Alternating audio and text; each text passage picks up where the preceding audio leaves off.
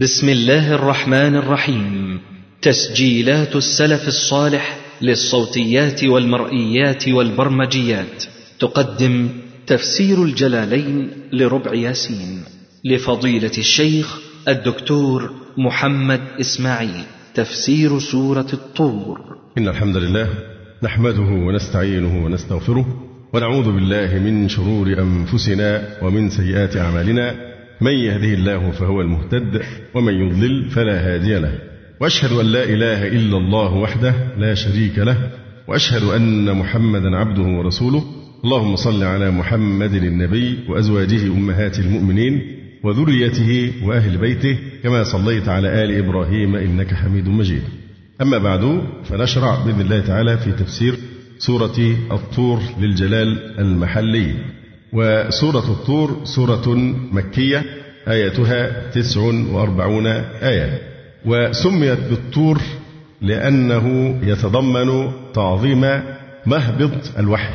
فإذا كان هذا فيه تعظيم لمهبط الوحي على موسى عليه السلام فالوحي نفسه أولى بالتعظيم فيعظم الاهتمام بالعمل به.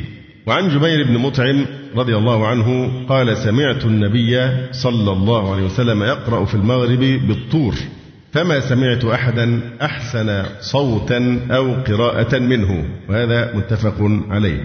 وعن أم سلمة رضي الله تعالى عنها أنها اشتكت كانت مريضة فذكرت ذلك للنبي صلى الله عليه وسلم فأمرها أن تطوف من وراء البيت. تقول فطفت ورسول الله صلى الله عليه وسلم يصلي إلى جنب البيت يقرأ بالطور وكتاب مسطور وهذا رواه البخاري. وعن جبير بن مطعم رضي الله عنه قال قدمت المدينة لأسأل رسول الله صلى الله عليه وآله وسلم في أسارى بدر. يعني هو أتى مشركا ليتفاوض بشأن أسارى بدر. فوافيته يقرأ في صلاة المغرب والطور. سمعه في الصلاة يصلي بسورة الطور. إلى قوله تعالى إن عذاب ربك لواقع ما له من دافع. فكأنما صدع قلبي فأسلمت خوفا من نزول العذاب وما كنت أظن أن أقوم من مقامي حتى يقع بي العذاب. فهذا الذي جعل جبيرا رضي الله تعالى عنه يسلم. يقول الله تبارك وتعالى بسم الله الرحمن الرحيم والطور وكتاب مستور في رق منشور. والطور الواو حرف قسم وجر. والطور مقسم به. وهنا في صدر هذه السورة هناك أقسام خمسة والطور وكتاب مستور ثم بعد ذلك والبيت المعمور والسقف المرفوع والبحر المسجور.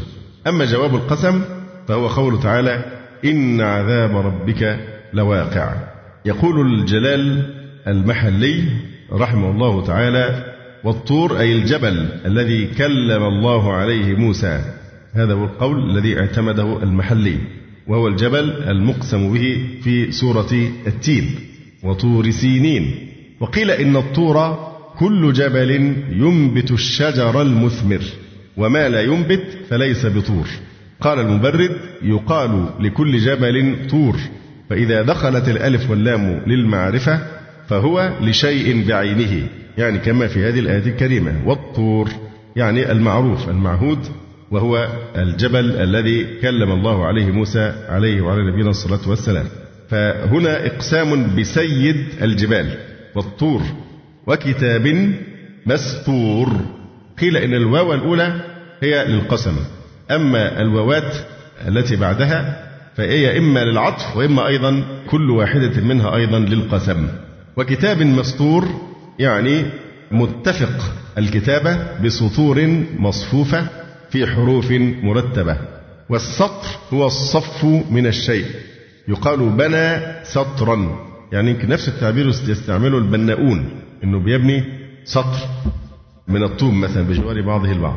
فالسطر هو الصف من الشيء. يقال بنى سطرا. والسطر أيضا الخط والكتابة. وجمع سطر أو سطر سطور وجمع الجمع أساطير. وقوله تعالى هنا وكتاب مستور فيه فن التنكير لأنه كتاب مخصوص من بين جنس الكتب كقول تعالى ونفس وما سواها. فالقسم هنا أيضا بالكتاب المستور كما قلنا وكتاب المستور الواو وهو عطف أو هي أيضا للقسم. فهنا أقسم الله سبحانه وتعالى أولا بسيد الجبال ثم أقسم بسيد الكتب وهو القرآن الكريم. يقول الإمام ابن القيم رحمه الله تعالى اختلف في هذا الكتاب فقيل هو اللوح المحفوظ وهذا غلط فإنه ليس برق وقيل هو الكتاب الذي تضمن أعمال بني آدم وهذا وإن كان أقوى وأصح من القول الأول واختاره جماعة من المفسرين ومنهم من لم يزكي غيره. يقول ابن القيم فالظاهر أن المراد به الكتاب المنزل من عند الله.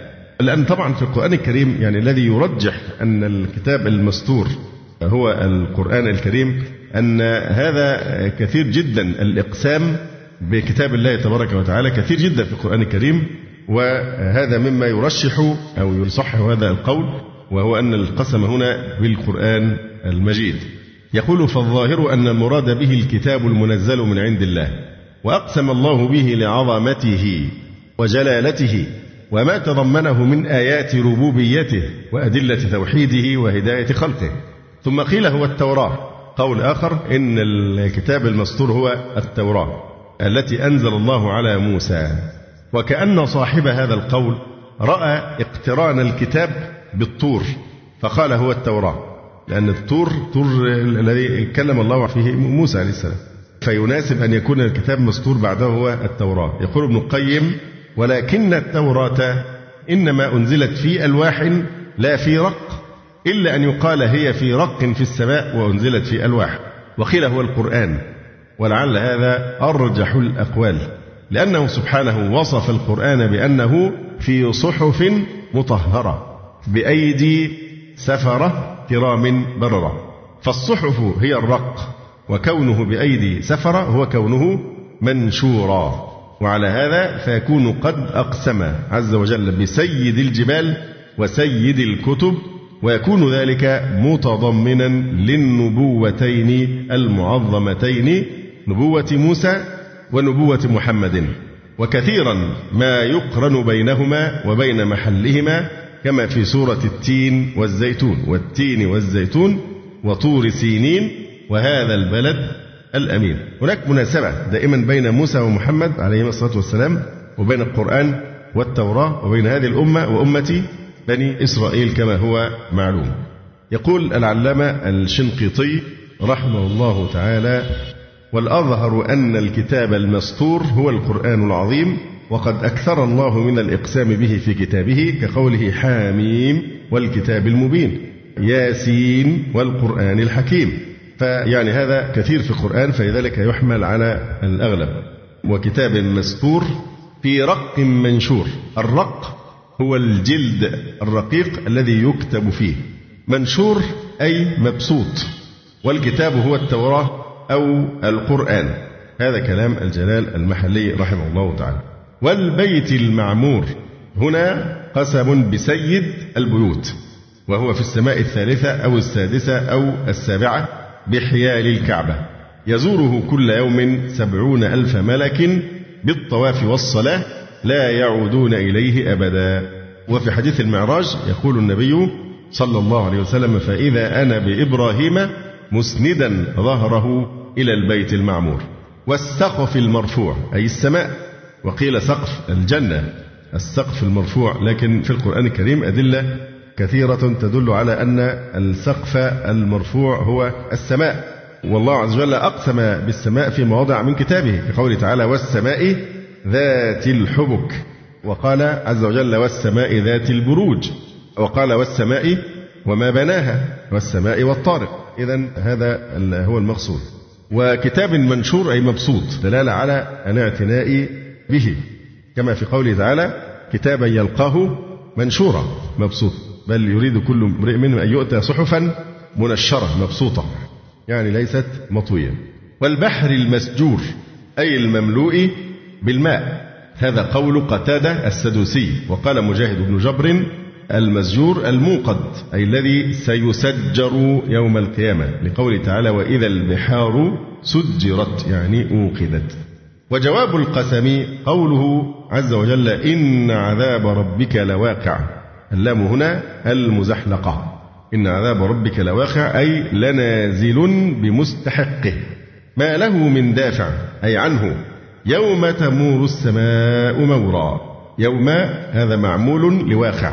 يعني أي يقع العذاب في ذلك اليوم. إن عذاب ربك لواقع يوم تمور السماء مورا. يعني تتحرك وتدور أو تمور بمعنى تموج موجا أو تتكفأ. يوم تمور السماء مورا فكلمة تمور معناها تضطرب وتجيء وتذهب.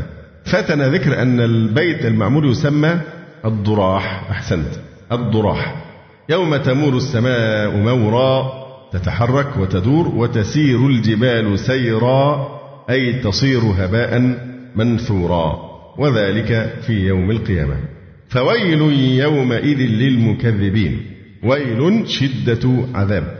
والفاء الفصيحة لأن في الكلام معنى المجازاة والتقدير إذا كان ما ذكر فويل لمن يكذب الله ورسوله صلى الله عليه وسلم. فويل يومئذ للمكذبين. ما إعراب ويل؟ مبتدأ ساغ الابتداء به لتضمنه معنى الدعاء. ويل يومئذ يوم ظرف منصوب بويل. إذن ظرف مضاف إلى ظرف مثله. طيب التنوين هنا بقى عوض عن إيه؟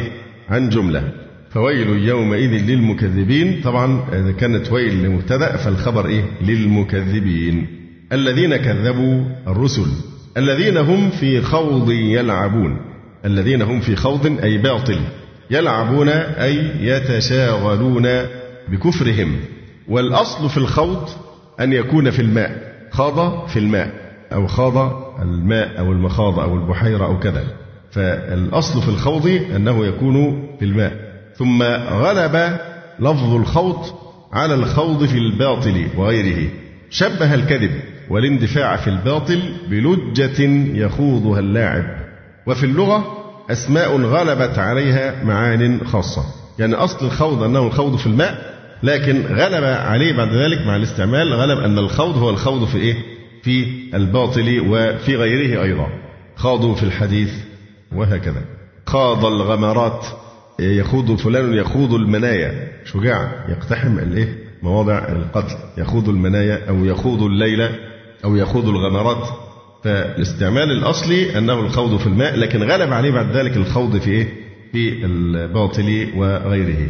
مثال الأسماء التي لها معنى خاص أولا ثم يعني يغلب عليها معاني خاصة الإحضار. لفظ الإحضار عام في كل شيء لكن غلب على الإحضار للعذاب. مثل قوله تعالى ولولا نعمة ربي لكنت من المحضرين. يعني المحضرين للعذاب. فغلب استعمال الإحضار للعذاب. الذين هم في خوض يلعبون. يوم يدعون إلى نار جهنم دعا. يوم يدعون. يوم ما أعرب يوم؟ بدل من يوم تمور السماء مورا. أو بدل من يومئذ اللي هو قبل مباشرة. يوم يدعون. طيب ما هو الدع؟ الدع هو الدفع بقوة وعنف. وقيل هو أن تغل الأيدي إلى الأعناق وتجمع النواحي إلى الأقدام ثم يدفعون دفعا عنيفا على وجوههم. يقول تعالى فذلك الذي يدع اليتيم يرده ويدفعه عن حقه بقوة وعنف. يوم يدعون إلى نار جهنم دعا يدفعون بعنف وهو بدل من يوم تمور ويقال لهم تبكيتا وتوبيخا. هذه النار التي كنتم بها تكذبون. ما إعراب يدعون في محل جر؟ مضاف إليه. يوم يدعون إلى نار جهنم دعا. هذه النار التي كنتم بها تكذبون. أفسحر هذا أم أنتم لا تبصرون؟ اصلوها. فاصبروا أو لا تصبروا. سواء عليكم إنما تجزون ما كنتم تعملون. أفسحر هذا الهمزة للاستفهام الإنكاري. والفاء عاطفة على محذوف. تقديره أكنتم تقولون للوحي. هذا سحر. أفسحر هذا؟ أفكنتم تقولون للوحي هذا سحر؟ أفسحر هذا؟ يعني الآن أنتم ترون العذاب. أفسحر هذا؟ أي هذا العذاب. بتعبير آخر هذا المصداق. أيضا سحر. أفسحر هذا؟ أي العذاب الذي ترونه كما كنتم تقولون من قبل في الوحي. هذا سحر. أم أنتم لا تبصرون؟ أم يمكن أن يقال هي منقطعة والمنقطعة بتقدر ببل والهمزة. يعني بل أنتم أم أنتم لا تبصرون لا بل أنتم ترون النار وتذوقون عذابها. ويمكن أن تكون متصلة. أفسحر هذا؟ أم أنتم لا تبصرون؟ يعني ليس هذا الذي ترونه لا يوجد شيء منهما. لا هو سحر ولا أنتم لا تبصرون. في الواقع أنه العذاب وليس سحرا وفي الواقع أنكم تبصرونه ولستم تعمون عنه. ليس شيء منهما يعني لا هو سحر ولا أنتم لا تبصرون. بل هو ثبت أنكم قد بعثتم وأن الذي ترونه حق فهو تقريع شديد وتهكم فظيع. أفسحر هذا أم أنتم لا تبصرون؟ في الواقع لا هو سحر ولا أنتم عمي لا تبصرون. بل هو العذاب نفسه الذي كنتم به تكذبون. وأنتم ترونه عيانا فهو حقيقة ثابتة لا شك فيها. اصلوها. يقال صلى النار أي وجد حرها. والصلاء حر النار. وتقول صليت اللحم أي شويته اصلوها. فاصبروا عليها أو لا تصبروا. سواء عليكم. ما إعراب سواء؟ خبر إيه؟ لمبتدأ محذوف. خبر لمبتدأ محذوف. فين مبتدأ صبركم وجزعكم كما قال هنا هو في التفسير. اصلوها فاصبروا عليها أو لا تصبروا سواء عليكم. فهو دقة الجلالة المحلية ذكر الخبر المحذوف. قال إيه؟ صبركم وجزعكم سواء عليكم. لأن صبركم لا ينفعكم وجزعكم لن يرقق قلوب الحفظة أو الملائكة العذاب. سواء عليكم لأن صبركم أو جزعكم لن يغير من الحقيقة شيئا. كما قالوا في سورة إبراهيم سواء علينا أجازعنا أم صبرنا ما لنا من محيص. سواء عليكم إنما تجزون ما كنتم تعملون. إنما كافة ومكفوفة.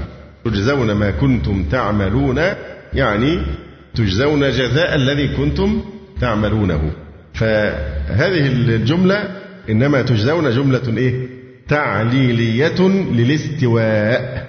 لماذا يستوي الجزع والصبر في أنه لا تأثير لأحدهما على واقع العذاب. العلة إيه؟ إنما تجزون ما كنتم تعملون. فهي جملة تعليلية لا محل لها من الإعراب. يقول الإمام ابن قيم الجوزية رحمه الله تعالى ثم ذكر وعيد المكذبين بالمعاد والنبوة وذكر أعمالهم وعلومهم التي كانوا عليها. وهو وهي الخوض الذي هو كلام باطل. هذا العلم الذي عندهم. خوض كلام باطل واللعب الذي هو سعي ضائع. فلا علم نافع ولا عمل صالح. بل علومهم خوض بالباطل وأعمالهم لعب. ولما كانت هذه العلوم والأعمال مستلزمة لدفع الحق بعنف وقهر أدخلوا جهنم وهم يدعون إليها دعا أي يدفع في أقفيتهم وأكتافهم دفعا بعد دفع. فإذا وقفوا عليها وعاينوها وقفوا وقيل لهم هذه النار التي كنتم بها تكذبون.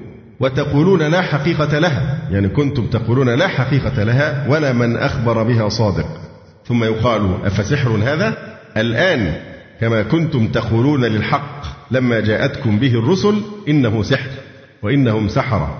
فهذا الآن سحر لا حقيقة له كما قلتم أم على أبصاركم غشاوة فلا تبصرونها؟ كما كان عليها غشاوة في الدنيا فلا تبصرون الحق. أفعميت أبصاركم اليوم عن رؤية هذا الحق؟ كما عميت في الدنيا فلا تبصرون الحق. ثم سلب عنهم نفع الصبر. الذي كانوا في الدنيا إذا دهمتهم الشدائد وأحاطت بهم لجأوا إليه وتعللوا بانقضاء البلية لانقضاء أمدها فقيل لهم يومئذ فاصبروا أو لا تصبروا كلاهما سواء عليكم لا يجدي عنكم الصبر ولا الجزع فلا الصبر يخفف عنكم حمل هذا العذاب ولا الجزع يعطف عليكم قلوب الخزنة ولا يستنزل لكم الرحمة. ثم أعلموا بأن الرب تعالى لم يظلمهم بذلك وإنما هو نفس أعمالهم صارت عذابا. وما ظلمناهم ولكن كانوا هم الظالمين. سواء عليكم. إنما تجزون ما كنتم تعملون. ثم أعلموا بأن الرب تعالى لم يظلمهم بذلك وإنما هو نفس أعمالهم صارت عذابا. فلم يجدوا من اقترانهم به بدا بل صارت عذابا لازما لهم كما كانت إرادتهم وعقائدهم الباطلة وأعمالهم القبيحة لازمة لهم. ولزوم العذاب لأهله في النار بحسب لزوم تلك الإرادة الفاسدة والعقائد الباطلة وما يترتب عليها من الأعمال لهم في الدنيا. من يتذكر هذا الموضوع ناقشناه من قبل في أي مناسبة. في مدرسة كتاب مهم جدا متعلق بالنيات. الخلود في الجنة والخلود في النار إنما يكون بإيه؟ سبب الخلود. يعني أنت تعيش في الدنيا مدة مؤقتة فالمؤمن يعيش مدة مؤقتة ومع ذلك يجازى بالنعيم إلى الأبد بلا نهاية خالدا فيها. والكافر يعيش في الدنيا فترة مؤقتة لها نهاية أجل لكنه مع ذلك يعذب بإيه؟ في جهنم ويخلد فيها. وده الكلام بيقوله ابن القيم هنا إن هو العقائد بالنسبة إليهم كانت لازمة لازمه بمعنى أن الكافر وهو كافر يصر على الكفر حتى لو عاش خالدا في الدنيا مخلدا فيها أبدا فهو مصر على الكفر فجوزي بنيته والمؤمن يثبت على الإيمان وتكاليفه حتى ولو كلف بها إلى الأبد فلذلك أثيب بالخلود في الجنة إلى الأبد. هذا البحث موجود في كتاب القيم الرائع كتاب إيه؟ مقاصد المكلفين. للدكتور عمر الأشقر هذا من أهم الكتب التي لا ينبغي أبدا أن تخلو منها مكتبة أبدا. المفروض كل بيت يكون فيه هذا الكتاب لأنه يتناول قضية في غاية الخطورة وهي قضية الإخلاص والنيات. وقد وفق الدكتور أشقر حفظه الله أيما توفيق في معالجة القضية بطريقة يعني بديعة ورائعة ومفيدة. هو الآن مطبوع في جزئين.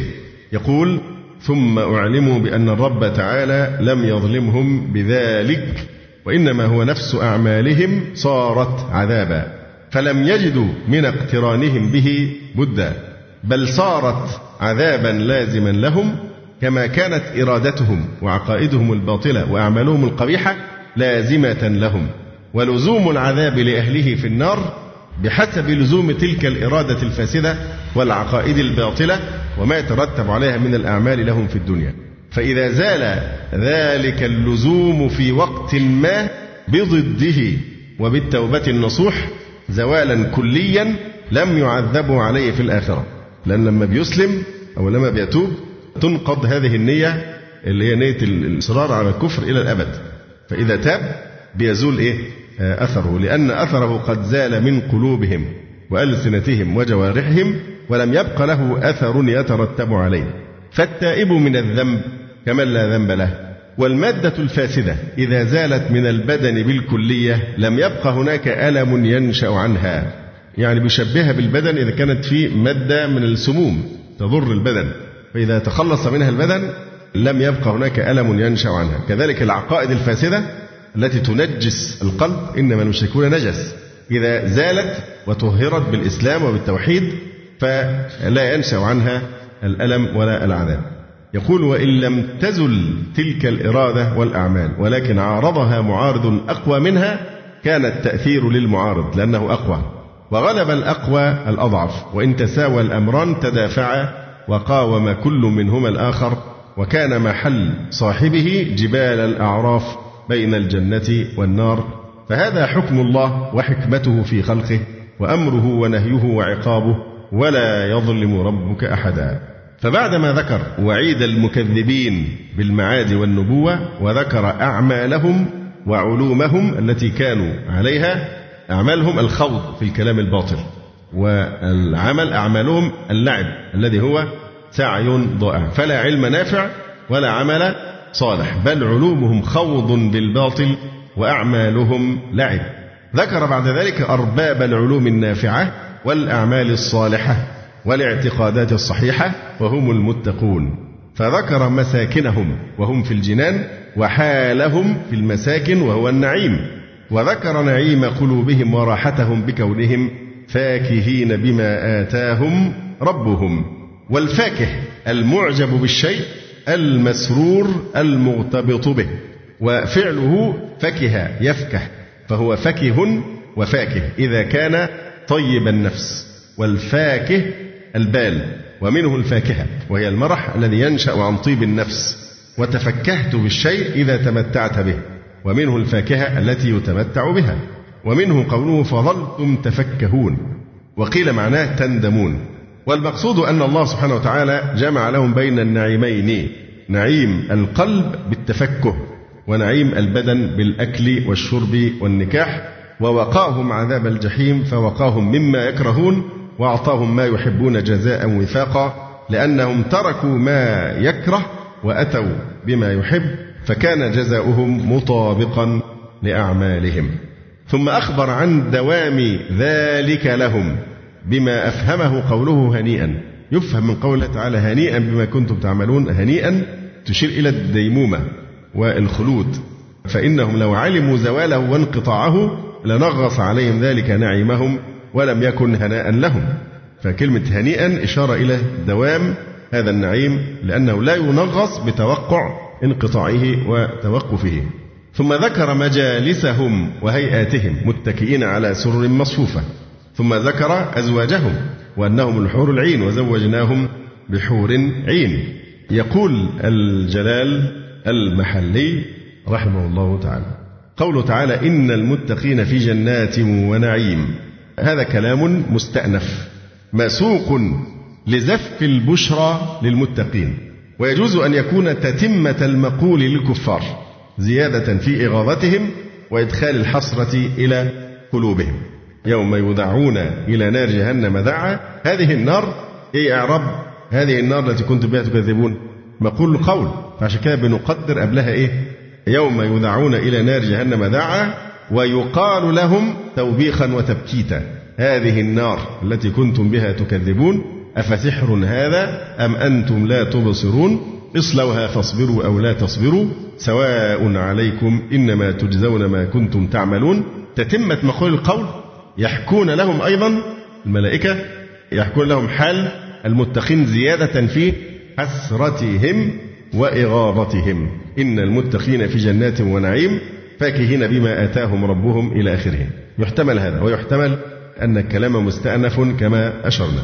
إن المتقين في جنات ونعيم فاكهين حال متلذذين. ويمكن أن تكون فاكهين جمع فاكه بمعنى إيه؟ ذي فاكهة أو أصحاب فاكهة. كقولك تامر ولابن من يذكر الشاهد الذي دائما نكرره في هذا؟ وغررتني وزعمت أنك لابن في الصيف إيه؟ تامر تامر يعني صاحب تمر ولابن صاحب لبن. كذلك فاكه صاحب فاكهة. فاكهين لكن هي الفاكهون هنا بمعنى نعيم القلب التلذذ النفسي فهذه إشارة إلى النعيم النفسي. واضح؟ متلذذين. فاكهين متلذذين أو ناعمين معجبين بما أتاهم ربهم. فتفكه بالشيء أي تمتع به.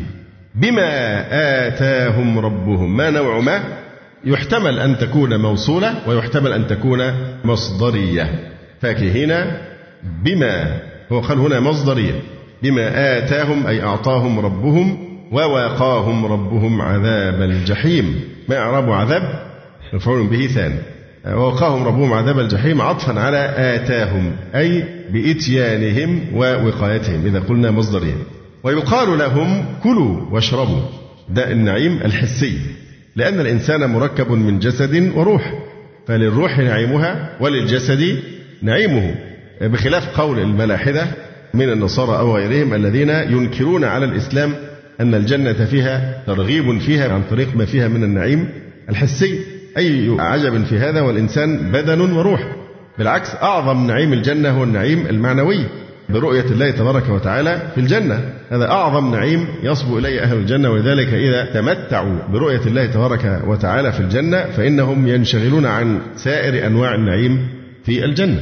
كلوا واشربوا هنيئا هنيئا حال يعني مهنئين. بما كنتم تعملون الباء سببية يعني في الدنيا من العمل الصالح. متكئين على سرر مصفوفة. متكئين حال من الضمير المستكن أي الملحوظ في قوله تعالى في جنات. تقديره إن المتقين منعمون متكئين. فهي حال من الضمير المستكن في قوله في جنات. يبقى إن المتقين منعمون متكئين على سرر مصفوفة.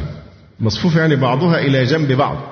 لأن هذا أدعى للسرور أن يكون الإنسان قريبا ممن يحبه. وقال تعالى متكئين عليها متقابلين. وزوجناهم بحور عين. عطف على جنات. زوجناهم هنا قرناهم. زوجناهم قرناهم.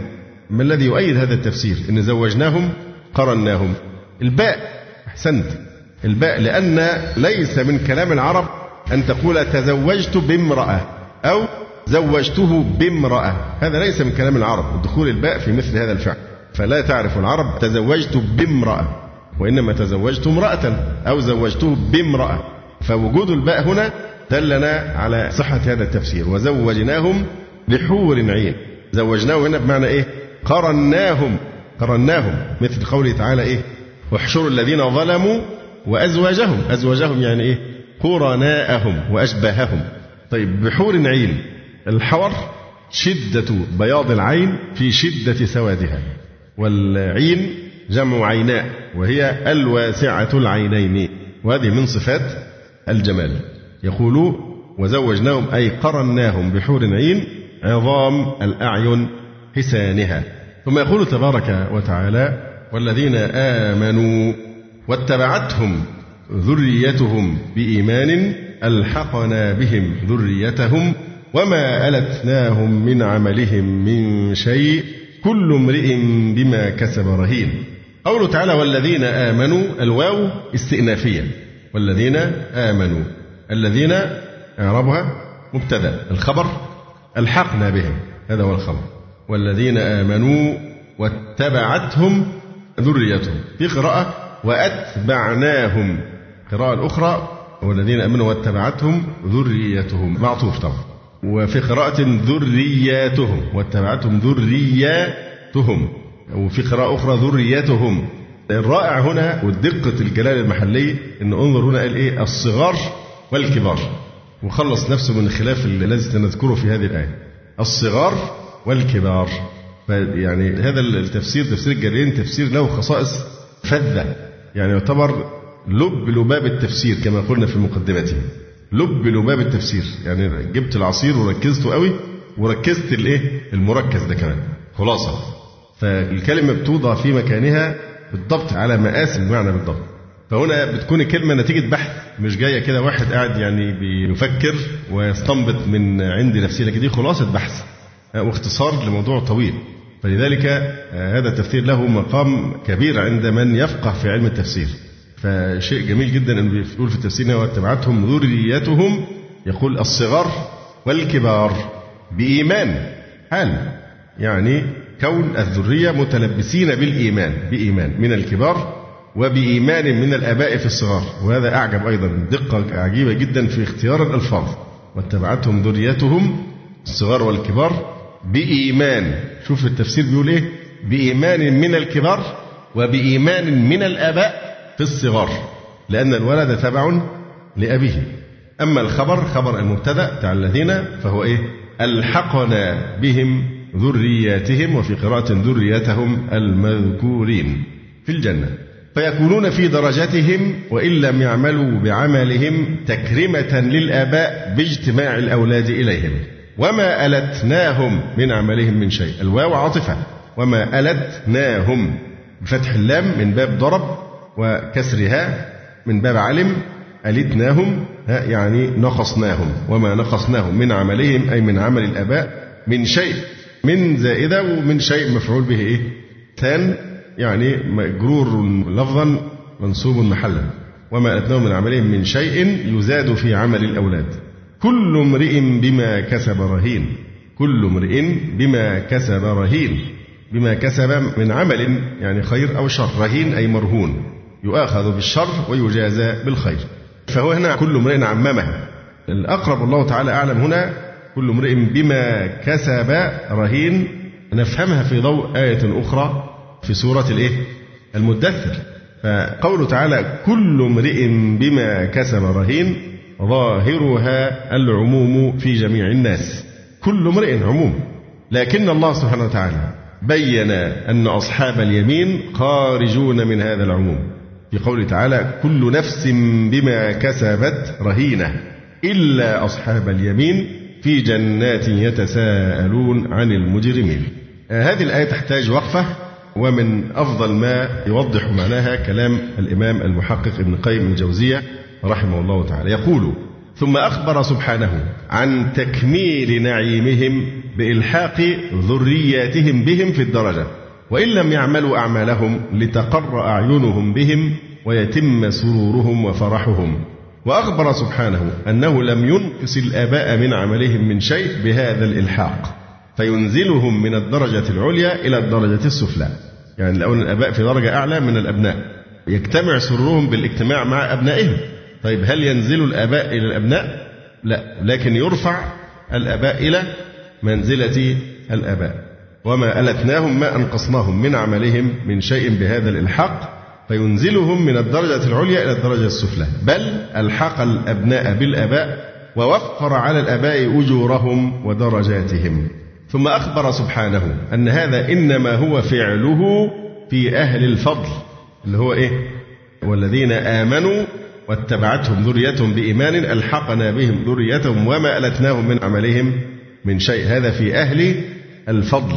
أما أهل العدل فلا يفعل بهم ذلك بل كل امرئ بما كسب رهين. ففي هذا دفع لتوهم التسوية بين الفريقين بهذا الإلحاق. لا يتوهم أحد أن في تسوية بين الفريقين في هذا الإلحاق كما في قوله وما ألتناهم من أعمالهم من شيء. دفع لتوهم حط الآباء إلى درجة الأبناء وقسمة أجور الآباء بينه وبين الأبناء فينقص أجر أعمالهم فرفع هذا التوهم بقوله وما ألتناهم من عملهم من شيء. أي ما نقصناهم. ثم ذكر إمدادهم باللحم والفاكهة والشرب وأنهم يتعاطون كؤوس الشراب بينهم يشرب أحدهم ويناول صاحبه ليتم بذلك فرحهم وسرورهم. يقول أيضا الإمام ابن القيم رحمه الله تعالى وزوجناهم بحور عين قال أبو عبيدة جعلناهم أزواجا يعني جعلناهم اثنين اثنين. قال يونس قرناهم بهن وليس من عقد التزويج. قال والعرب لا تقول تزوجت بها وإنما تقول تزوجتها. قال ابن نصر هذا والتنزيل يدل على ما قاله يونس وذلك قوله تعالى فلما قضى زيد منها وطرا زوجناكها. لم يقل زوجناك بها وإنما قال زوجناكها. ولو كان على تزوجت بها لقال زوجناك بها. فليس من كلام العرب تزوجت بامرأة وزوجناهم بحور العين أي قرناهم. فالتزويج هنا بمعنى جعل الشيء زوجا زوجا بمن يقارنه يعني. لا بمعنى عقد النكاح. لذلك يجوز أن تقول كان فردا فزوجته بآخر كما يقال شفعته بآخر. فالباء تمنع إذا كانت بمعنى عقد التزويج. يقول ابن القيم ولا يمتنع أن يراد الأمران معا. فلفظ التزويج يدل على النكاح كما قال مجاهد أنكحناهم الحور. ولفظ الباء يدل على الاقتران والضم. أيضا يقول ابن القيم فهذه الآيات تدل على أن الله سبحانه يلحق ذرية المؤمنين بهم في الجنة وأنهم يكونون معهم في درجتهم ومع هذا فلا يتوهم نزول الآباء إلى درجة الذرية فإن الله لم يلدهم أي لم ينقصهم من أعمالهم شيئا. بل رفع ذريتهم إلى درجاتهم مع توفير أجور الآباء عليهم. ولما كان إلحاق الذرية بالآباء في الدرجة إنما هو بحكم التبعية لا بالأعمال. ربما توهم متوهم أن ذرية الكفار يلحقون بهم في العذاب تبعا وإن لم يكن لهم أعمال الآباء. ممكن واحد يتوهم يقول نفس المنطق هيحصل مع ذرية الكفار زي ما الأبناء المؤمنين يلحقون بمنازل آبائهم الأعلى دون أن ينقص من أعمالهم شيء. فكذلك قد يتوهم متوهم أن ذرية الكفار أولاد الكفار يلحقون بآبائهم في العذاب تبعا. كما ألحق ذرية المؤمنين بآبائهم المؤمنين تبعا. وإن لم يكن لهم أعمال الآباء. فهنا بقى عشان في عذاب قطع تعالى هذا التوهم بقوله كل امرئ بما كسب رهين. يعني لن يكون هذا الحال اللي هو إلحاق الذرية بالآباء تبعا.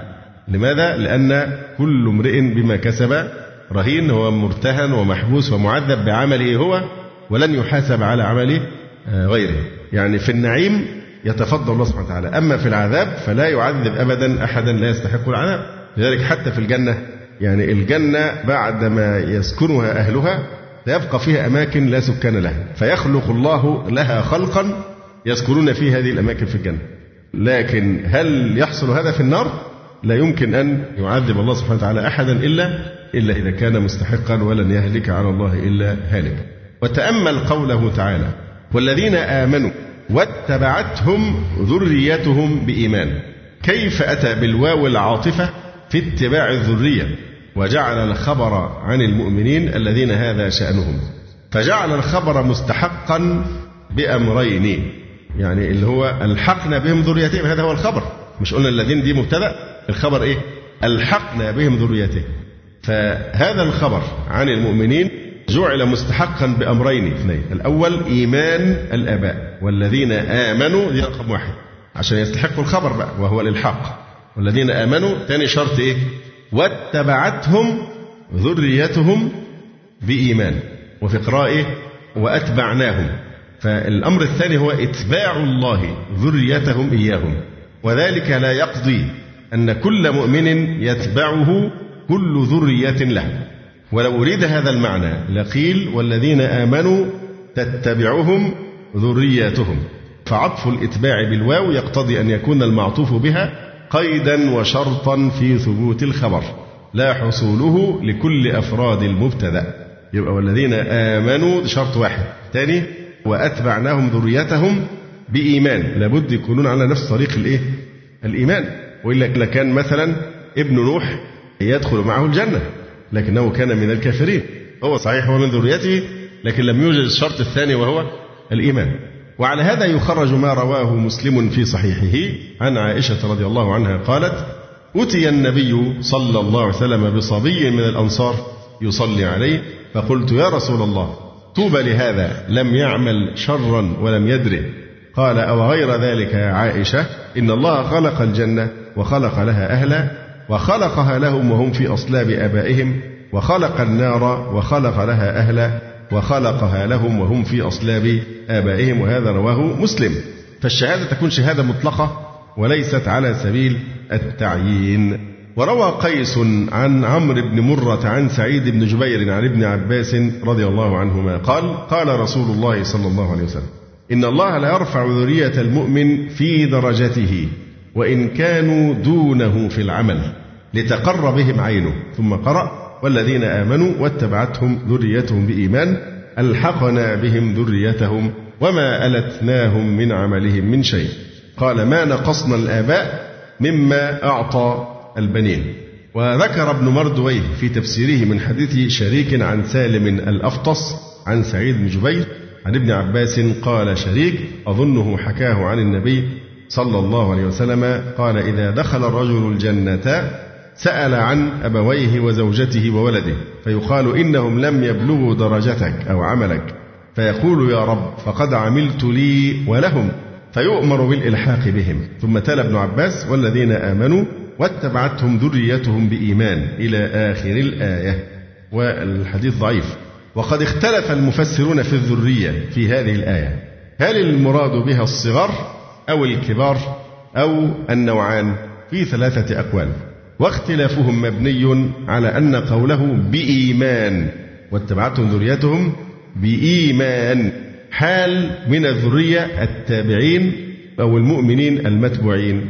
فقالت طائفة المعنى والذين آمنوا وأتبعناهم ذرياتهم في إيمانهم. فأتوا أي الذرية من الإيمان بمثل ما أتوا به. الإيمان ألحقناهم بهم في الدرجات. يعني لابد أن يكون الإيمان قاسما مشتركا بين الآباء والأبناء. قال ويدل على هذا قراءة من قرأ واتبعتهم ذريتهم بإيمان. فجعل الفعل في الاتباع لهم. قالوا وقد أطلق الله سبحانه وتعالى الذرية على الكبار. كما قال ومن ذريته داود وسليمان إلى آخره وقال ذرية من حملنا مع نوح وقال وكنا ذرية من بعدهم أفتهلكنا بما فعل المبطلون؟ وهذا قول الكبار العقلاء. قالوا ويدل على ذلك ما رواه سعيد بن جبير. يبقى ده أدلة الناس الذين ذهبوا إلى أن الذرية المقصود بهم إيه؟ الكبار. يدل على ذلك ما رواه سعيد بن جبير عن ابن عباس يرفعه إن الله يرفع ذرية المؤمن إلى درجته وإن كانوا دونه في العمل لتقر بهم عينه. وهذا أيضا ضعيف. فهذا يدل على أنهم دخلوا بأعمالهم ولكن لم يكن لهم أعمال يبلغون بها درجة أبائهم. فبلغهم إياها وإن تقاصر عملهم عنها. قالوا وأيضا فالإيمان هو القول والعمل والنية وهذا إنما يمكن من الكبار وعلى هذا يكون المعنى أن الله سبحانه يجمع ذرية المؤمن إليه إذا أتوا الإيمان بمثل إيمانه. إذ هذا حقيقة التبعية وهذا كما أن زوجات النبي صلى الله عليه وسلم معه في الدرجة تبعا وإن لم يبلغوا تلك الدرجة بأعمالهن. وقالت طائفة أخرى الذرية هنا الصغار والمعنى والذين آمنوا وأتبعناهم ذرياتهم في إيمان الآباء وإن كانوا صغارا يتبعون أباهم في إيه في الإيمان وأحكامه من الميراث يعملون معاملة الإيمان عادي من أهل الإيمان. ينطبق عليهم أحكام أهل الإيمان. من الميراث والدية والصلاة عليهم والدفن في قبور المسلمين وغير ذلك. إلا فيما كان من أحكام البالغين. ويكون قوله بإيمان على هذا في موضع نصب على الحال من المفعولين. أي وأتبعناهم ذرياتهم بإيمان الآباء. يبقى ذريات هنا الصغار بقى. قال ويدل على صحة هذا القول أن البالغين لهم حكم أنفسهم في الثواب والعقاب فإنهم مستقلون بأنفسهم ليسوا تابعين الآباء في شيء من أحكام الدنيا. ولا أحكام الثواب والعقاب لاستقلالهم بأنفسهم. ولو كان المراد بالذرية البالغين لكان أولاد الصحابة البالغون كلهم في درجة آبائهم ويكون أولاد التابعين البالغين كلهم في درجة آبائهم وهلم جرا إلى يوم القيامة فيكون الآخرون في درجة السابقين. قالوا ويدل عليه أيضا أنه سبحانه جعلهم معهم تبعا في الدرجة. كما جعلهم معهم تبعا في الإيمان. ولو كانوا بالغين لم يكن إيمانهم تبعا بل هو إيمان استقلال. قالوا ويدل عليه أن الله سبحانه جعل المنازل في الجنة بحسب الأعمال في حق المستقلين. وأما الأتباع فإن الله سبحانه يرفعهم إلى درجة أهلهم وإن لم يكن لهم أعمالهم كما تقدم. وأيضا فالحور العين الخدم في درجة أهليهم. وإن لم يكن لهم عمل بخلاف المكلفين البالغين فإنهم يرفعون إلى حيث بلغتهم أعمالهم. وقالت فرقة منهم الواحدي الوجه أن تحمل الذرية على الصغار والكبار لأن الكبير يتبع الأب بإيمان نفسه والصغير يتبع الأب بإيمان الأب. البحث ده كله هو ملخصه هنا في قوله والذين آمنوا واتبعتهم ذريتهم الصغار والكبار.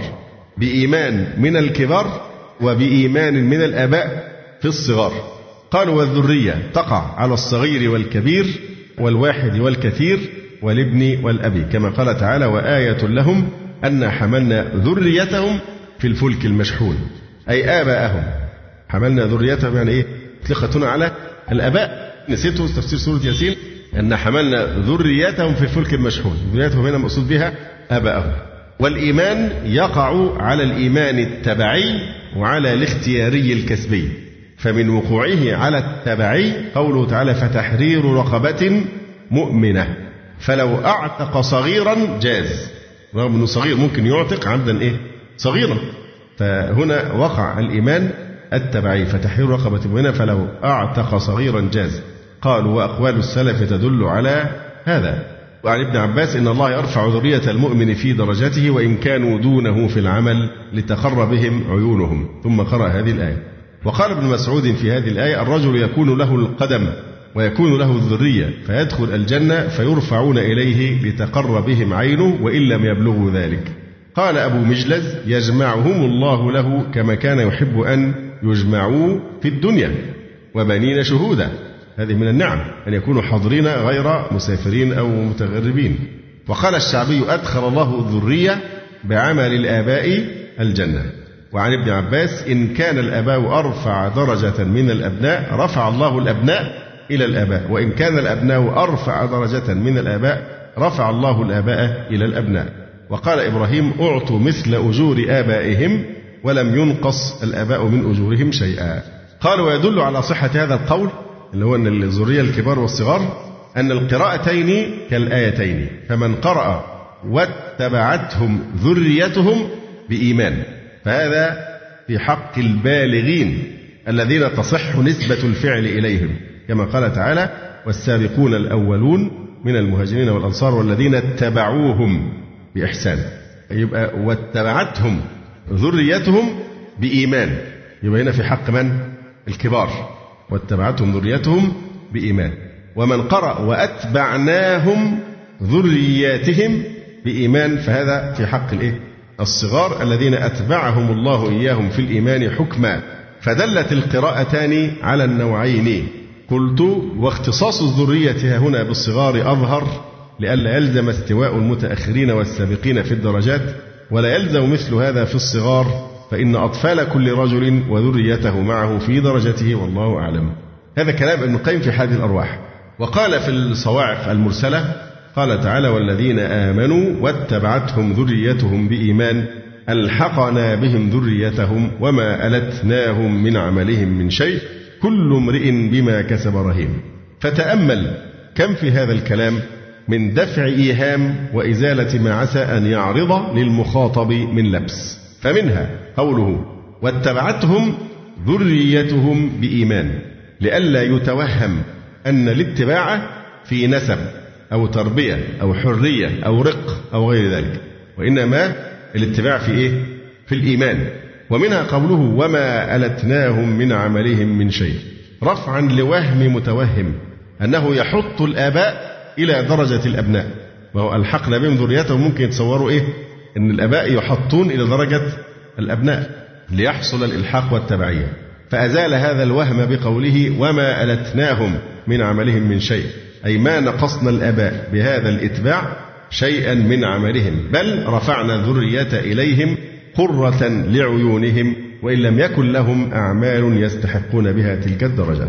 ومنها قوله كل امرئ بما كسب رهين فلا يتوهم أن هذا الإتباع حاصل في أهل الجنة وأهل النار بل هو للمؤمنين دون الكفار.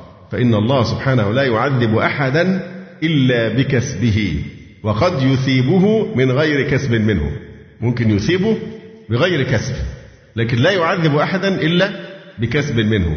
فلذلك لما وجد احتمال أن يتوهم متوهم أنه كما ألحق أبناء المؤمنين بآبائهم في الدرجة بسبب اجتماعهم في الإيمان فكذلك يلحق أبناء الكافرين بآبائهم الكفار لكون الآباء كفارا.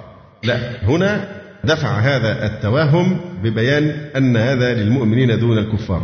كل امرئ بما كسب رهين فالعذاب إنما يكون على ما اكتسبه الإنسان.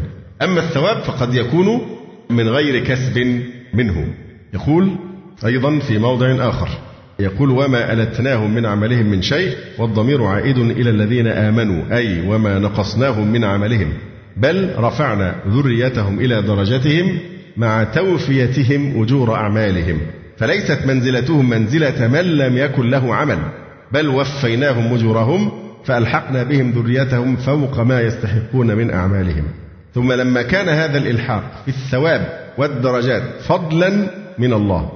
فربما وقع في الوهم أن إلحاق الذرية أيضا حاصل لهم في حكم العدل. يبقى إلحاق الذرية في أهل الفضل وهم المؤمنون. فماذا عن أهل العدل؟ هل يحصل إلحاق الذرية بآبائهم في العذاب؟ فلا هذا الإلحاق حاصل في إيه؟ في أهل الفضل. أما أهل العدل فلما اكتسبوا سيئات أوجبت عقوبة كان كل عامل رهينا بكسبه لا يتعلق بغيره شيء. فالإلحاق المذكور إنما هو في الفضل والثواب لا في العدل والعقاب. وهذا نوع من أسرار القرآن وكنوزه التي يختص الله بفهمها من شاء. فقد تضمنت هذه الآية أقسام الخلائق كلهم أشقيائهم وسعدائهم. السعداء المتبوعون والأتباع والأشقياء المتبوعون والأتباع.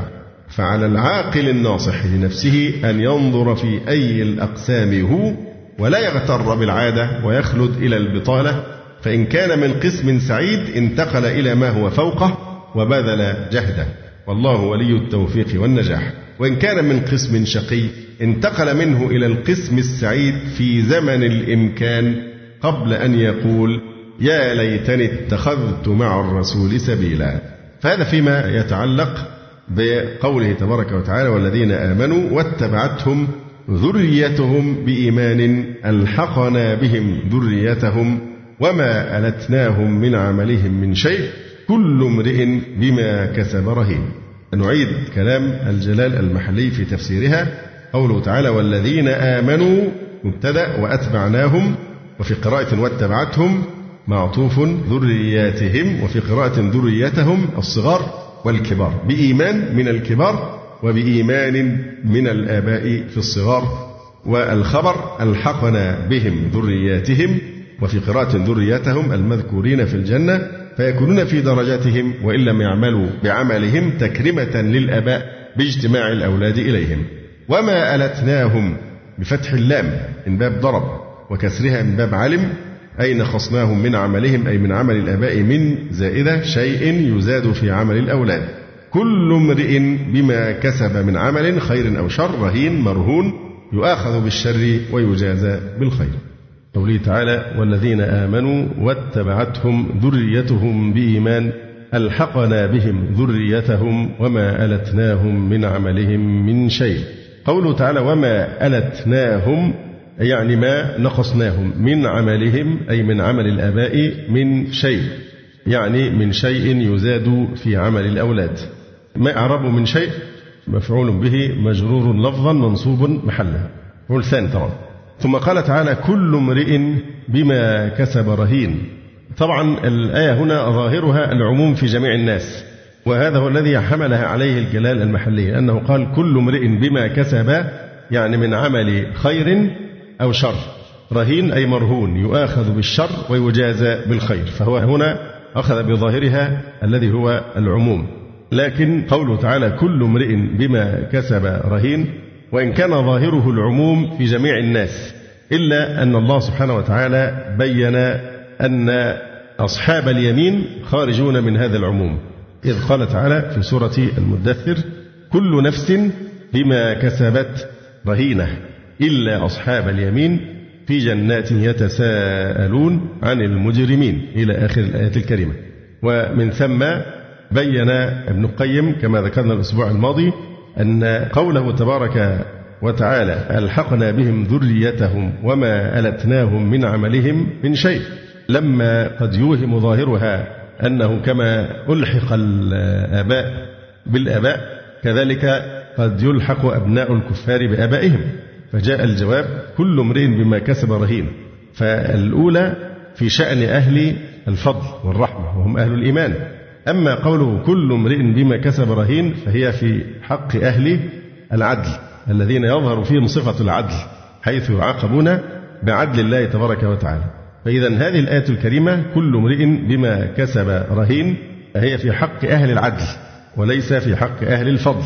بدليل قوله تعالى كل نفس بما كسبت رهينة ثم استثنى إلا أصحاب اليمين في جنات يتساءلون عن المجرمين وأمددناهم بفاكهة ولحم مما يشتهون وأمددناهم أي زدناهم في وقت بعد وقت مدد دائم مستمر.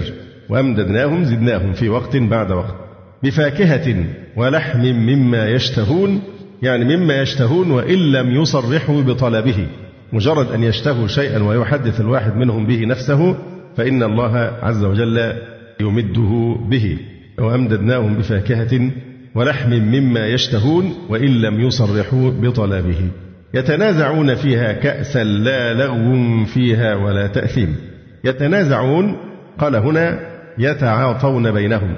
هي في الحقيقة كلمة يتنازعون حتى لو حملناها على ظاهرها التنازع بمعنى التجاذب. هذا يجذب الشيء وهذا يجذبه منه. فيمكن حملها أيضا على التجاذب وليس مجرد التعاطي. التجاذب يعني الشيء الواحد هذا يجذبه وذاك يجذبه كأنهم يتنازعون على شيء واحد.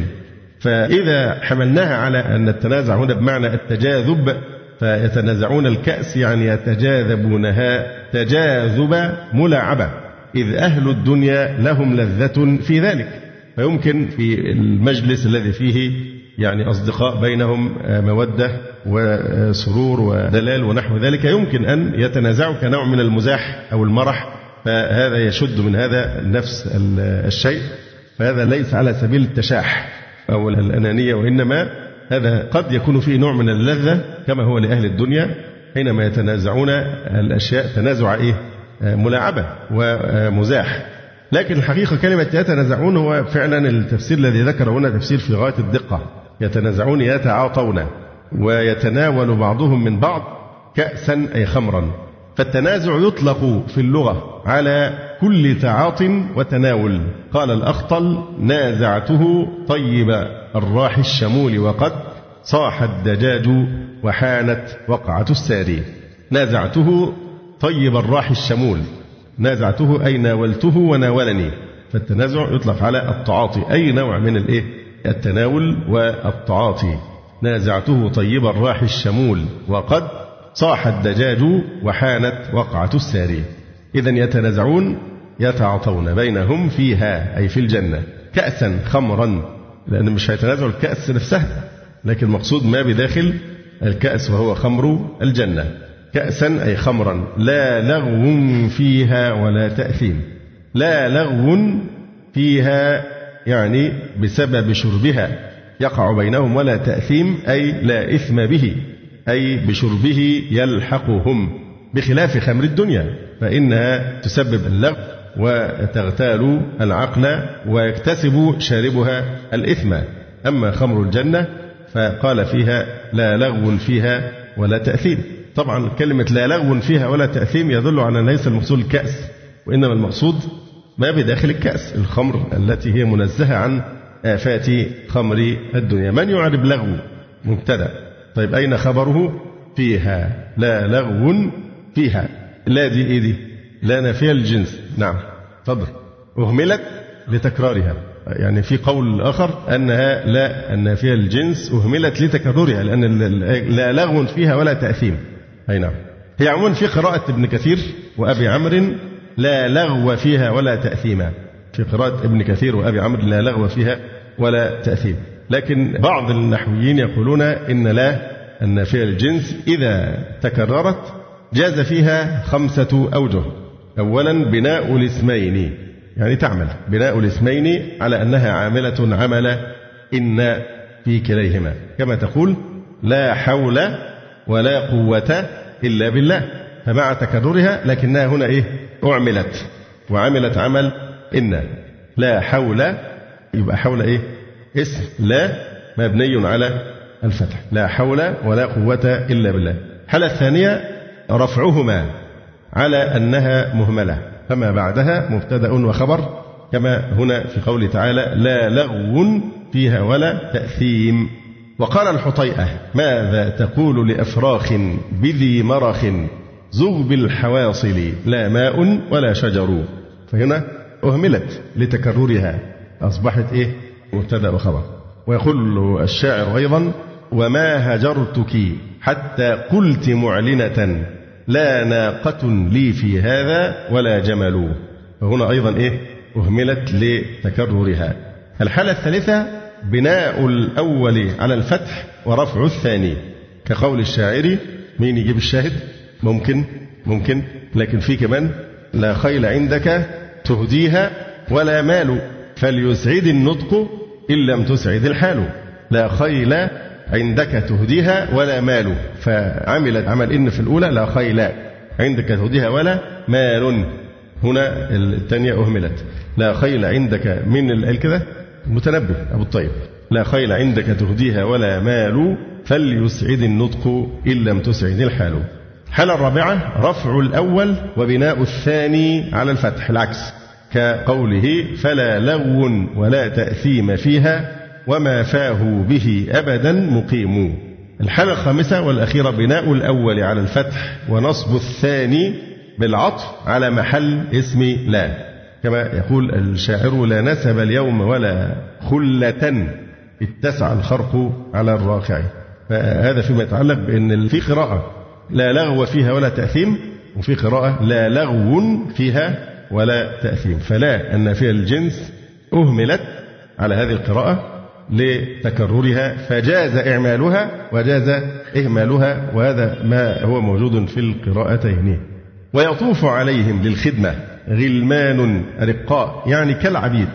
لهم كأنهم حسنا ولطافة لؤلؤ مكنون أي مصون في الصدف. لأنه فيها أحسن منه في غيرها اللؤلؤ إذا رأيته داخل الصدفة ففيه جمال وبهاء ورونق وصفاء أفضل من أن يكون في أي موضع آخر. فاللؤلؤ أجمل ما يكون حينما يكون مصونا في الصدف لأنه فيها أحسن منه في غيرها. وأقبل بعضهم على بعض يتساءلون. ما إعراب يتساءلون؟ حال. يسأل بعضهم بعضا. عما كانوا عليه وما وصلوا إليه تلذذا واعترافا بالنعمة. قالوا إنا كنا قبل في أهلنا مشفقين. فمن الله علينا ووقانا عذاب السموم. إنا كنا من قبل ندعوه. إنه هو البر الرحيم. قالوا إيماء إلى علة الوصول. علة الوصول إلى هذا المقام العظيم في الجنة. هذا حصاد ما وفقهم الله إليه من الأعمال. يعني الصالحة في الدنيا وبالذات الخوف من عذاب الله عز وجل والدعاء المستمر له أن يقيهم عذاب النار. قالوا إيماء إلى علة الوصول. إنا كنا قبل في أهلنا مشفقين. ما إعراب قبل؟ نعم. قبل ظرف مبني على الضم لانقطاعه عن الإضافة لفظا لا معنى. إنا كنا قبل في أهلنا أي في الدنيا. مشفقين خائفين من عذاب الله. فمن الله علينا بالمغفرة ووقانا عذاب السموم. ما إعراب عذاب مفعول به ثاني ووقانا عذاب السموم. أي النار. لدخولها في المسام. السموم في الأصل هي الريح الحارة. تتخلل المسام. وقيل يطلق السموم على الريح الشديدة البرد أيضا. قال الراجز اليوم يوم بارد سمومه من جزع اليوم فلا ألومه. اليوم يوم بارد سمومه. اللي هي الريح الشديدة البرد فتطلق على الريح الحارة التي تتخلل المسام وتطلق أيضا على الريح الشديدة البرد يقول الراجز اليوم يوم بارد سمومه من جزع اليوم فلا ألومه. أي نعم. ووقانا عذاب السموم أي النار لدخولها في المسام. وقالوا إيماء أيضا إنا كنا من قبل ندعوه. إنا كنا من قبل أي في الدنيا ندعوه أي نعبده موحدين. نعبده وحده لا شريك له. إنا كنا من قبل ندعوه أي نعبده موحدين. إنه هو البر الرحيم. بالكسر ندعوه إنه هو البر الرحيم. استئناف. بالكسر استئنافا. كأن بداية كلام جديد إنه هو البر الرحيم. وإن كان تعليلا معنى وبالفتح تعليلا لفظا. إنا كنا من قبل ندعوه أنه هو البر الرحيم. البر اللطيف المحسن الصادق في وعده عز وجل. الرحيم العظيم الرحمة. فذكر فذكر أي دم على تذكير المشركين ولا ترجع عنه لقولهم لك كاهن مجنون. فذكر ولا تبالي بما يسبونك به من قولهم كاهن أو مجنون. فذكر فما أنت بنعمة ربك بكاهن ولا مجنون. فما أنت بنعمة ربك. الفاء هنا تعليلية. فذكر فما أنت. تعليلية. فما أنت. طب وما؟ نافية حجازية. فما أنت بنعمة ربك أي بإنعامه عليك بكاهن ولا مجنون. الكاهن الذي يذكر أنه يخبر عن الحق عن طريق العزائم. وقوله تبارك وتعالى فما أنت بنعمة ربك آه، هناك أقوال في الباء. أرقى وجه يقال في الباء إنها سببية تعليلية. والمعنى انتفت عنك الكهانة والجنون بسبب نعمة ربك عليك. كما تقول ما أنا بمعسر بحمد الله وغناه. يعني بفضل الله سبحانه وتعالى أنت نجاك الله من الإعسار. فهذا أرقى ما يقال في الباء إنها سببية. فما أنت بنعمة ربك يعني بإيه؟ بسبب إنعامه عليك. ما أنت بنعمة ربك بكاهن ولا مجنون. فانتفت عنك الكهانة والجنون بسبب نعمة ربك عليك. كما تقول ما أنا بمعسر بحمد الله وغناه. القول الثاني في الباء إنها في موضع نصب على الحال. يعني ما أنت كاهنا ولا مجنونا حال كونك متلبسا بنعمة ربك. إذا الحال لازمة والباء للملابسة. أما أضعف الأقوال فهو إن الباء للملابسة. فما أنت بنعمة ربك فنعمة ربك مقسم به متوسط بين اسم باء وخبرها. والتقدير ونعمة ربك ما أنت بكاهن ولا مجنون. على أنها باء القسم. لكن أقوى الأقوال أن يقال إنها سببية أو تعليلية. فما أنت بنعمة ربك بكاهن؟ بكاهن خبر ما والباء حرف جر زائد. فما أنت بنعمة ربك بكاهن يعني تخبر بما في غد من غير وحي. ما يأتيك إلا الوحي. لست كالكاهن الذي يذكر أنه يخبر عن الحق. عن طريق العزائم ونحوها. ولا مجنون معطوف عليه. ثم يقول تعالى أم يقولون شاعر نتربص به ريب المنون؟ أم هنا وفي المواضع التالية بمعنى بل وبمعنى همزة الإنكار. يعني أم المنقطعة تقدر ببل والهمزة. يعني بل أيقولون شاعر نتربص به ريب المنون؟ أم يقولون هو شاعر. نتربص به ريب المنون. نتربص التربص هو الانتظار بالشيء من انقلاب حال له إلى خلافها. ريب المنون. المنون هو المنية والموت. من منه إذا قطعه. لأن الموت قطوع يقطع الإنسان عن الحياة. وريب المنون هي الحوادث التي تريب عند مجيئها. شبهت الحوادث بالريب أي بالشك لأنها لا تدوم ولا تبقى على حال. يقول الشاعر تربص بها ريب المنون لعلها سيهلك عنها بعلها أو سيجنح.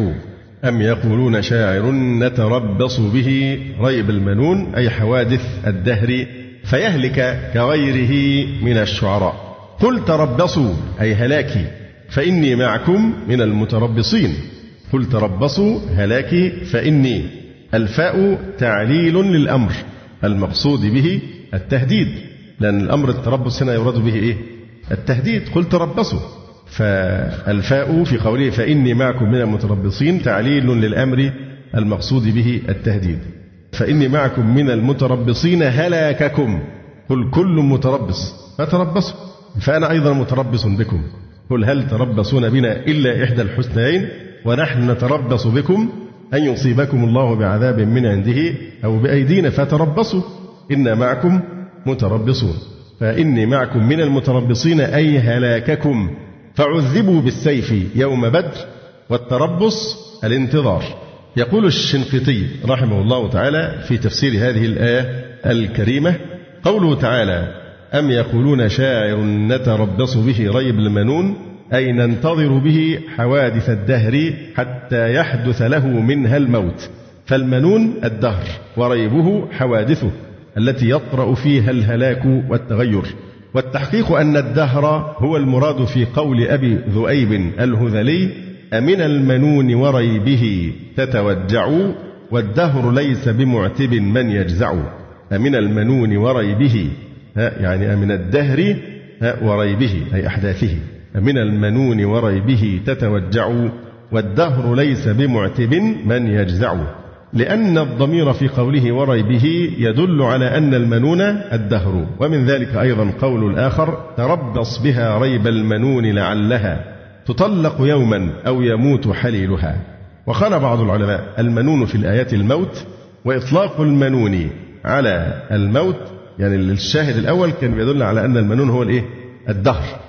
لكن أيضا بعض العلماء يقولون إن المنون هو الموت وإطلاق المنون على الموت معروف في كلام العرب ومنه قول أبي الغول الطهوي هم منعوا حمى الوقبة بضرب يؤلف بين أشتات المنون لأن الذين ماتوا عند ذلك الماء المسمى بالوقبة أو بالوقبة جاءوا من جهات مختلفة فجمع الموت بينهم في محل واحد ولو ماتوا في بلادهم لكانت مناياهم في بلاد شتى لكن هم منعوا حمى الوقبة بضرب يؤلف بين أشتات المنون.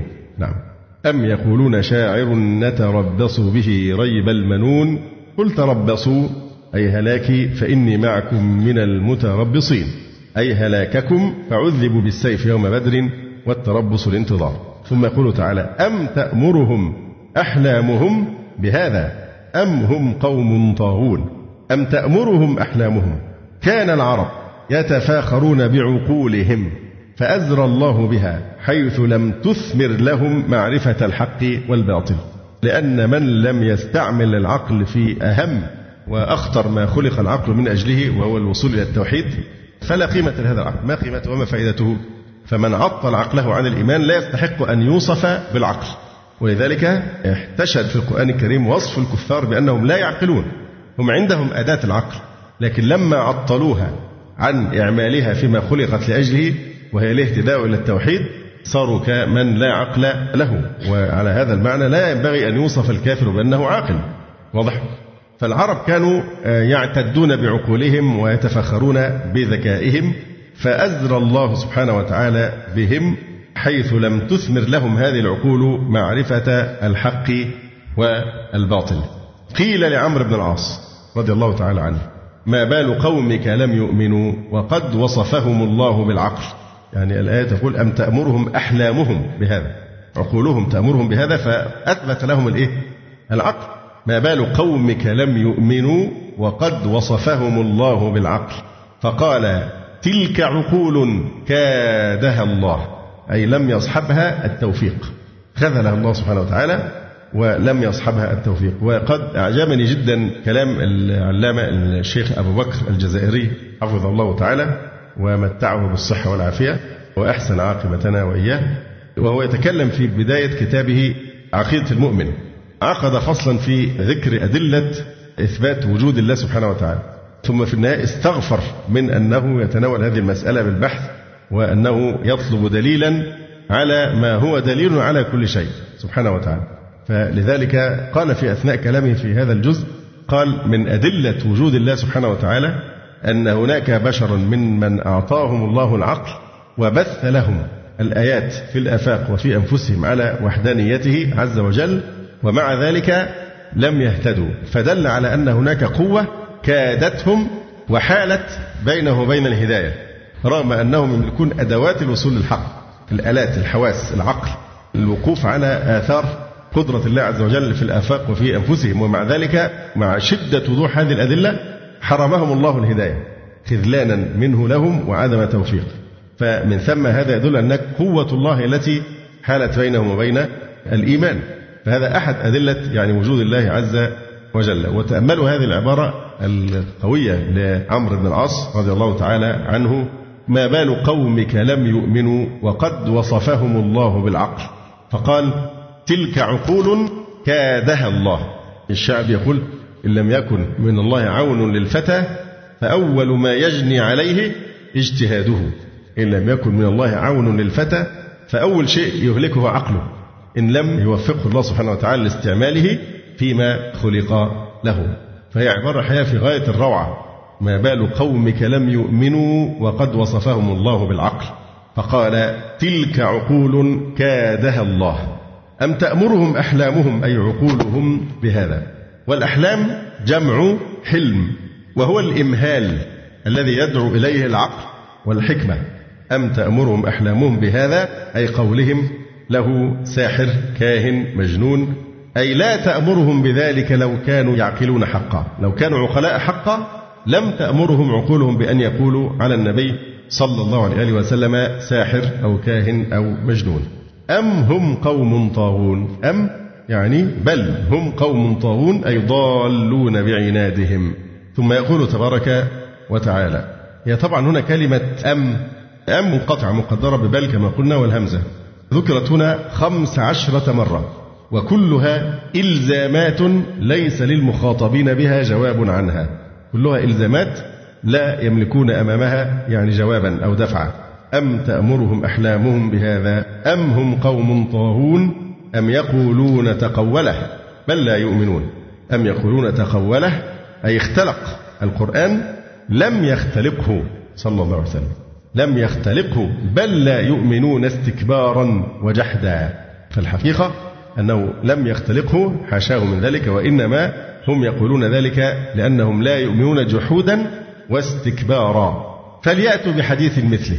قدر قبلها الجلال المحلي رحمه الله تعالى فإن قالوا اختلق فليأتوا بحديث مثله إن كانوا صادقين. فإذا الفاء هنا الفصيحة لأنها جواب شرط مقدر. يعني فإن قالوا تقوله أي اختلق فليأتوا بحديث مثله إن كانوا صادقين. هنا بحث مهم جدا فيما يتعلق بكلمة الحديث إطلاق لفظة الحديث على القرآن الكريم. أولا قال الله عز وجل فليأتوا بحديث مثله إن كانوا صادقين فتحداهم الله سبحانه وتعالى بسورة واحدة من هذا القرآن في سورة البقرة. وقال عز وجل فأتوا بسورة من مثله وادعوا شهداءكم من دون الله إن كنتم صادقين وفي سورة يونس قال تعالى قل فأتوا بسورة مثله وادعوا من استطعتم من دون الله. وتحدهم في سورة هود بعشر سور منه. قل فأتوا بعشر سور مثله مفتريات. وادعوا من استطعتم من دون الله. وتحدهم في سورة الطور هذه بالقرآن كله. فليأتوا بحديث مثله مثل القرآن كله. وبين في سورة بني إسرائيل أنهم لا يقدرون على شيء من ذلك في قوله قل لئن اجتمعت الإنس والجن. على أن يأتوا بمثل هذا القرآن لا يأتون بمثله ولو كان بعضهم لبعض ظهيرا هنا نلاحظ أن الله سبحانه وتعالى أطلق اسم الحديث على القرآن فليأتوا بحديث مثله. كما أطلق عليه ذلك أيضا في قوله تبارك وتعالى الله نزل أحسن الحديث كتابا متشابها فوصف أيضا بأنه حديث. وقال تعالى ما كان حديثا يفترى ولكن تصديق الذي بين يديه وقال تبارك وتعالى ما يأتيهم من ذكر من ربهم محدث إلا استمعوه وهم يلعبون. وقال أيضا وما يأتيهم من ذكر من الرحمن محدث إلا كانوا عنه معرضين. فهنا وصف القرآن الكريم بالحديث لا يصح للمعتزلة وأضرب به من المبتدعة أن يستدلوا به على أن القرآن الكريم مخلوق أو أنه حادث بمعنى مخلوق. وإنما وصف الله عز وجل القرآن بالحديث من الحدوث بمعنى كون الشيء بعد أن لم يكن.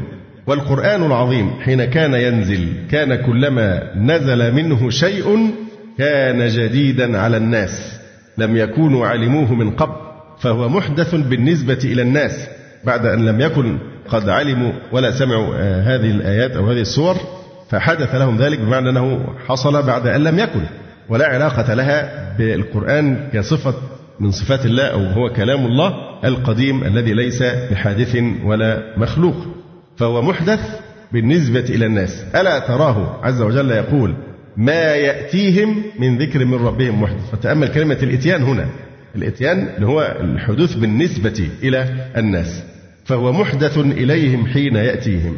وفي الحديث قال النبي صلى الله عليه وسلم إن الله يحدث لنبيه ما شاء وإن مما أحدث لنبيه ألا تكلموا في الصلاة. قال أبو عبيد محدث يعني حدث عند النبي صلى الله عليه وآله وسلم لما علم الله ما لم يكن يعلم. فإذا الحدوث هنا بالنسبة لعلمنا نحن. أما هو في حد ذاته فهو كلام الله غير مخلوق. فليأتوا بحديث يعني فإن قالوا اختلقه فليأتوا بحديث أي مختلق مثله إن كانوا صادقين. ما نوع إن؟ شرطية. يعني إن كانوا صادقين في قولهم. أم خلقوا من غير شيء؟ تفضل. نعم صحيح. إن كانوا صادقين فليأتوا بحديث مثله. نعم. لأن جواب الشرط يفهم من إيه؟ مما قبلها. أم خلقوا من غير شيء؟ أي من غير خالق. أم هم الخالقون؟ يعني أنفسهم. ولا يعقل مخلوق بغير خالق. ولا معدوم يخلق. فلا بد لهم من خالق هو الله سبحانه وتعالى الواحد. فلم لا يوحدونه ويؤمنون برسوله وكتابه؟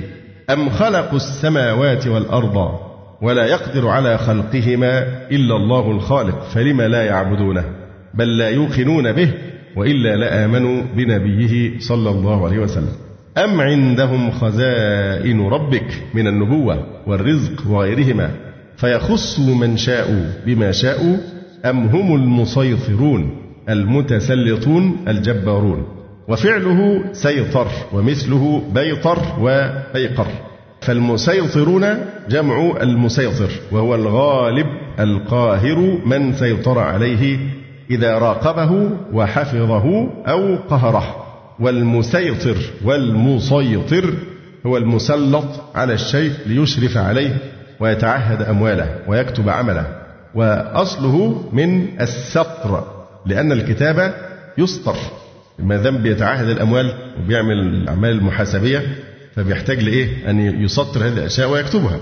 فمن هنا جاءت هذه الكلمة المسيطر بالسين أو المسيطر بالصاد المسلط على الشيء ليشرف عليه ويتعهد أمواله ويكتب عمله فأصله من السطر لأن الكتاب يسطر أم هم المسيطرون؟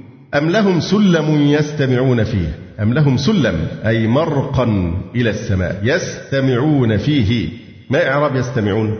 صفة لإيه؟ لسلم. أم لهم سلم يستمعون فيه؟ أي عليه كلام الملائكة حتى يمكنهم منازعة النبي بزعمهم. إن ادعوا ذلك. فليأت مستمعهم بسلطان مبين. الفاء الفصيحة لأنها جواب شرط مقدر تقديره. إن ادعوا ذلك فليأتي مستمعهم أي مدعي الاستماع عليه بسلطان مبين بحجة بينة واضحة. والله سبحانه وتعالى بين أن هذا لا يقع أبدا لقوله عز وجل إنهم عن السمع لمعزولون. وقال وحفظناها من كل شيطان رجيم. وقال فمن يستمع الآن يجد له شهابا رصدا. أم لهم سلم يستمعون فيه فليأت مستمعهم بسلطان مبين. ولشبه هذا الزعم بزعمهم أن الملائكة بنات الله. قال تعالى أم له البنات؟ بزعمكم ولكم البنون.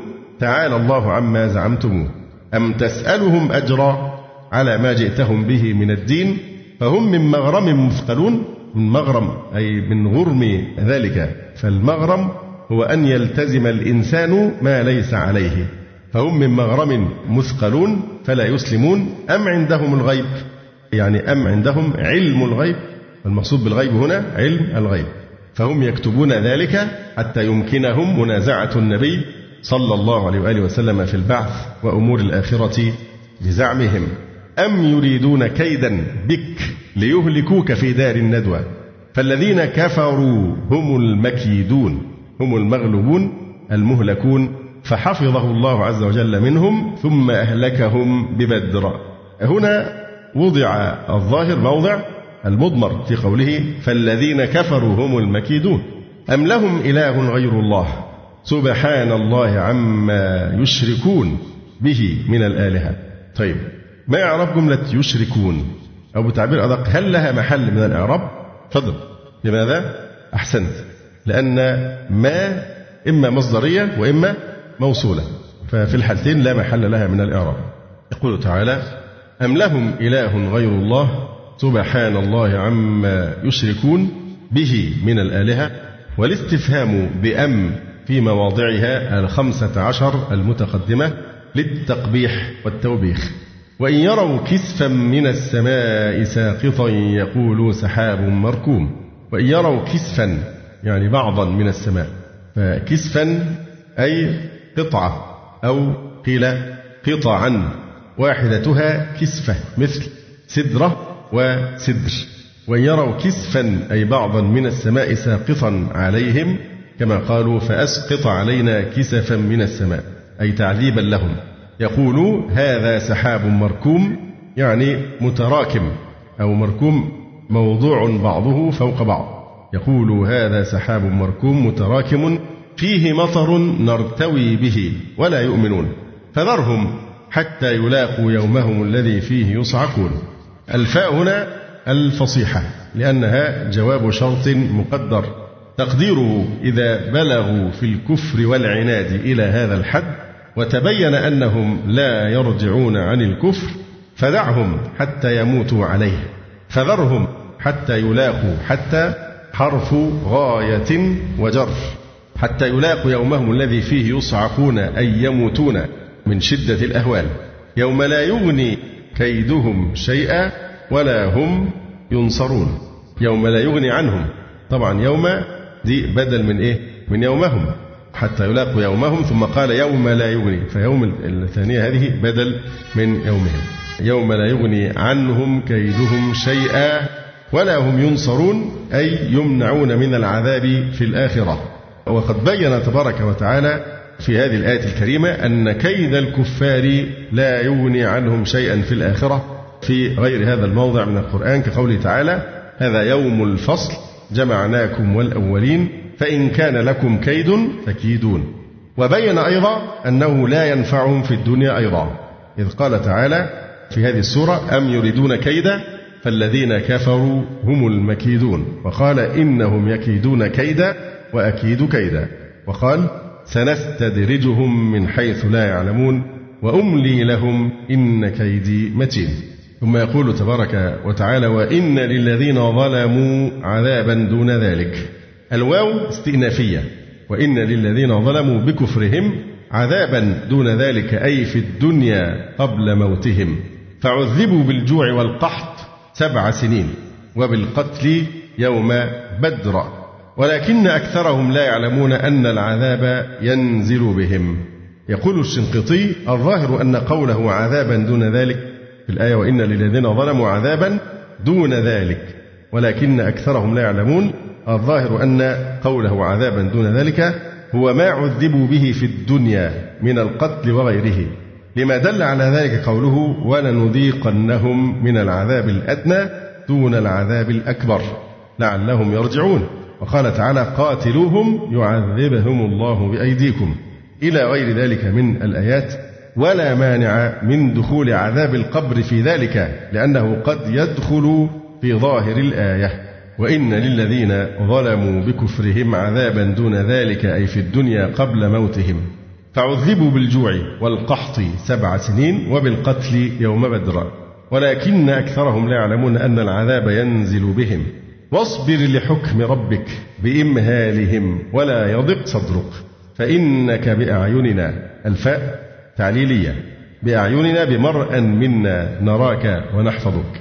وسبح بحمد ربك يعني وسبح متلبسا بحمد ربك. يعني قل سبحان الله وبحمده. حين تقوم من منامك أو من مجلسك ومن الليل فسبحه حقيقة أيضا.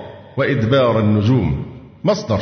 المقصود بإدبار النجوم يعني عقب غروبها سبحه أيضا. أو صل في الأول العشاءين وفي الثاني سنة الفجر وقيل فريضة الصبح واختاره الطبري. وقوله هنا وإدبار النجوم هو مصدر ناب عن الظرف ولذلك نصب. هو نائب عن الظرف ولذلك نصب. كما تقول جئتك صلاة العصر أو جئتك قدوم الحاج. فصلاة وقدوم مفعول فيهما منصوبان. نصب ظرف الزمان لأنهما لما ناب عن الزمان عرضت لهما اسمية الزمان فانتصب انتصابه. والأصل جئتك صلاة العصر أصلها إيه؟ جئتك وقت صلاة العصر أو جئتك وقت قدوم الحاج. منه هنا قوله تعالى ومن الليل فسبحه وإدبار النجوم يعني ووقت غروب النجوم. ومنه أيضا عند العرب لا أكلمه القارضين بالمثنى. والأصل لا أكلمه القارضين يعني في الشخص الذي تريد أن تقاطعه ولا تكلمه إلى الأبد. فتقول لا أكلمه القارضين يعني مدة غيبة القارضين.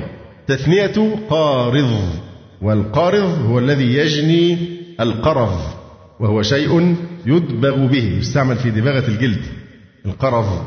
ويقول العرب أيضا لا آتيك أو يؤوب القارض العنزي. لا أكلمك أو يعني حتى يؤوب يرجع القارض العنزي فهما في الحقيقة هما كان رجلان كلاهما من عنزة. خرج في طلب القرض. خرج في طلب إيه؟ هذا القرض الذي يعني يستعمل في الدبغ. خرج في طلب القرض فلم يرجعا وطالت غيبتهما. فضرب المثل بطول المدة اللي هي طول غيبة الإيه؟ القارضين فتقول والله لا أكلمك القارضين. يعني مدة غياب القارضين أنهما خرجا ولم يعودا. واضح؟ فلذلك يقولون أيضا لا أتيك أو يؤوب القارض العنزي. يعني لا أتيك إلا أن يأتي ويرجع القارض العنزي يعني لن أتيك أبدا لأنه لا يؤوب. طالت يعني غيبته. فهذا فيما يتعلق بتفسير قوله تعالى ومن الليل فسبحه وإدبار النجوم فإدبار النجوم مصدر ناب عن الظرف وأصلها إدبار النجوم يعني وقت إدبار النجوم أو وقت غروب النجوم. وهذا آخر ما تيسر في تفسير هذه السورة الكريمة. أقول قولي هذا وأستغفر الله لي ولكم. سبحانك اللهم ربنا وبحمدك. أشهد أن لا إله إلا أنت. أستغفرك وأتوب إليك.